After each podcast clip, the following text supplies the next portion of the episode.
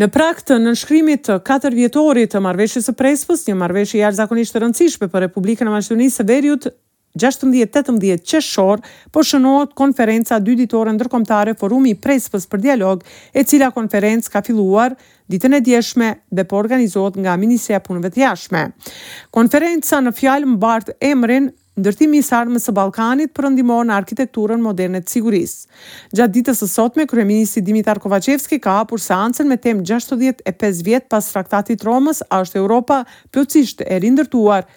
dhe e integruar ekonomikisht. Në panel sesion përveç Kovaçevskit kanë marrë pjesë kryeministrja serbe Ana Brnabiç, sekretarja e përgjithshme e Këshillit të Bashkëpunimit Rajonal Majlinda Bregu, eksperti i ekonomisë nga Instituti Ndërkombëtar në Romë Mateo Bonomi dhe shumë të tjerë. Me këtë rast ka dhënë deklaratën e tij edhe presidenti i shtetit Stevo Pendarovski. Ndjekim deklaratën. Da ima formulacija vo koja ke se kazhe. Të ketë formulim në kornizën e negociatave që do të thotë se kjo është kërkesa e fundit bullgare për këtë çështje. Ne nuk kemi asnjë problem me këtë. Çdo herë është më mirë. Ju e dini se ne në Ballkan jemi djegur shumë herë. Kemi pasur histori të trazuara dhe shpesh nuk na mjaftojnë vetëm retorikat politike dhe fjalët. Nuk është keq të ketë diçka edhe në letër. Kryeministri i vendit Dimitar Kovaçevski ka komentuar propozimin francez për tejkalim të kontestit Shkup-Sofje. Ai ka thënë se zgjidhja e mundshme duhet të përmbajë garanci se në të ardhmen nuk do të ketë pengesa për integrim europian. Sipas Kovaçevskit, propozimi francez është dërguar në Sofje dhe është në dorën e institucioneve bullgare ta komentojnë atë. Mediat bullgare njoftojnë se propozimi francez është dorëzuar në Komision për Politikë të Jashtme, pas dy ditë të dramës politike në Bullgari dhe mungesës së paraqitjeve në publik nga politika bullgare, sot është paraqitur presidenti i Bullgarisë Rumen Radev, i cili thotë se Petkov duhet t'i mbrojë interesat kombëtare. Në anën tjetër, pas shkarkimit të kryeparlamentarit në Bullgari, si dhe akuzave të ndërsjellta të deputetëve të pushtetit dhe opozitës për rishikimin e buxhetit dhe temës së vetos së Maqedonisë, tensionet vazhdojnë për të dytën ditë në Kuvendin e Bullgarisë, ku vazhdon Pasiguria e shumicës. Përgjigja në pyetje do të dihet të mërkurën kur pritet votëbesim ndaj qeverisë së Kiril Petkovit, por sipas gjitha gjasave dhe të dhënave matematikore duket që do të bjerë qeveria. Gjithsej njëqind e pesëmbëdhjetë deputetë qëndrojnë prapa qeverisë, ndërkaq opozita ka njëqind e njëzet e pesë deputetë. E njëjta dramë po tentohet të zhvillohet nga VMRO-DPMNE edhe në Maqedoninë e Veriut pikërisht me interpelancën kundër kryetarit të Kuvendit Talat Xhaferi që do të mbahet me tridhjetë qershor. Rezulton që VMRO të mos ketë shumicën e duhur për të kaluar interpelancë kundër kryetarit Talat Xhaferi.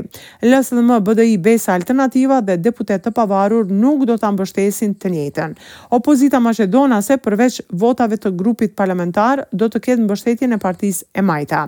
VMRO pretendon se çdo gjë e potencuar në kërkesë për interpelancë mund të dëshmohet me vepër. Për më tepër ndjekim deklaratën e tyre. Podnesena të interpelacja e. Interpelanca është rezultat i shkeljeve të njëpasnjëshme të Rregullores së Kuvendit, zhvillimet e fundit për të cilat opinioni është dëshmitar. u pa se si punohet në shtëpinë e demokracisë. Qasja e tyre në Komisionin për Mandate dhe mosmiratimi i rendit të ditës treguan se gjithçka që konstaton VMRO-DPMNE-ja në iniciativë ka dyshime të bazuara për shkelje të rregullores dhe ligjeve. Aleanca për Shqiptarët ka shumë vërejtje ndaj punës së kryeparlamentarit Xhaferi, por akoma nuk ka qëndrim të prerë nëse do ta mbështesë interpelancën. Të them të drejtën si parti politike ne s'kemi marrë një vendim të tillë a do ta mbështesim ose jo, do shohim. Nga takimet e rëndësishme diplomatike duhet të cekim edhe atë të ministrit të Punëve të Jashtme të Kroacisë që ka vizituar Maqedoninë e Veriut gjatë kësaj jave. Krahas takimeve në Ministrinë e Punëve të Jashtme me ministrin Bujar Osmani, është mbajtur edhe një ngjarje solemne në Filarmoninë e Maqedonisë, me koncerte të ansambleve folklorike nga Maqedonia e Veriut dhe Kroacia dhe më pas është bërë pritje përkatëse për kremtimin e përbashkët të tridhjetëvjetorit të vendosjes së marrëdhënieve diplomatike në mes të Maqedonisë së Veriut dhe Kroacisë. Në ditën e dytë të vizitës, ministri Radman ka marrë pjesë në edicionin e dytë të Forumit të Prespës për Dialog që po mbahet këto ditë. në Ohër.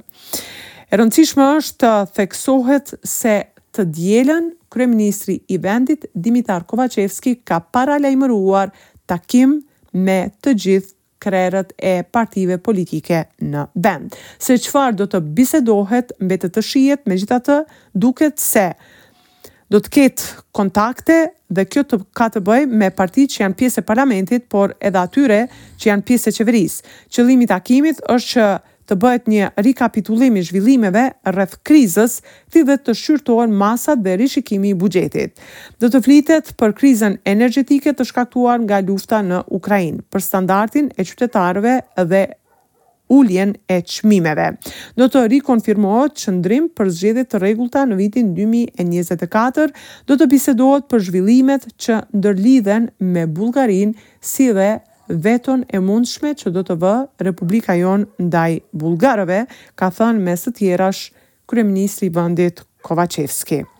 Megjithatë, ai pret që të jetë një takim konstruktiv dhe pozitiv gjatë kësaj të diele. Për Radion SBS raporton nga Republika e Maqedonisë së Veriut, Besiana Mehmedi.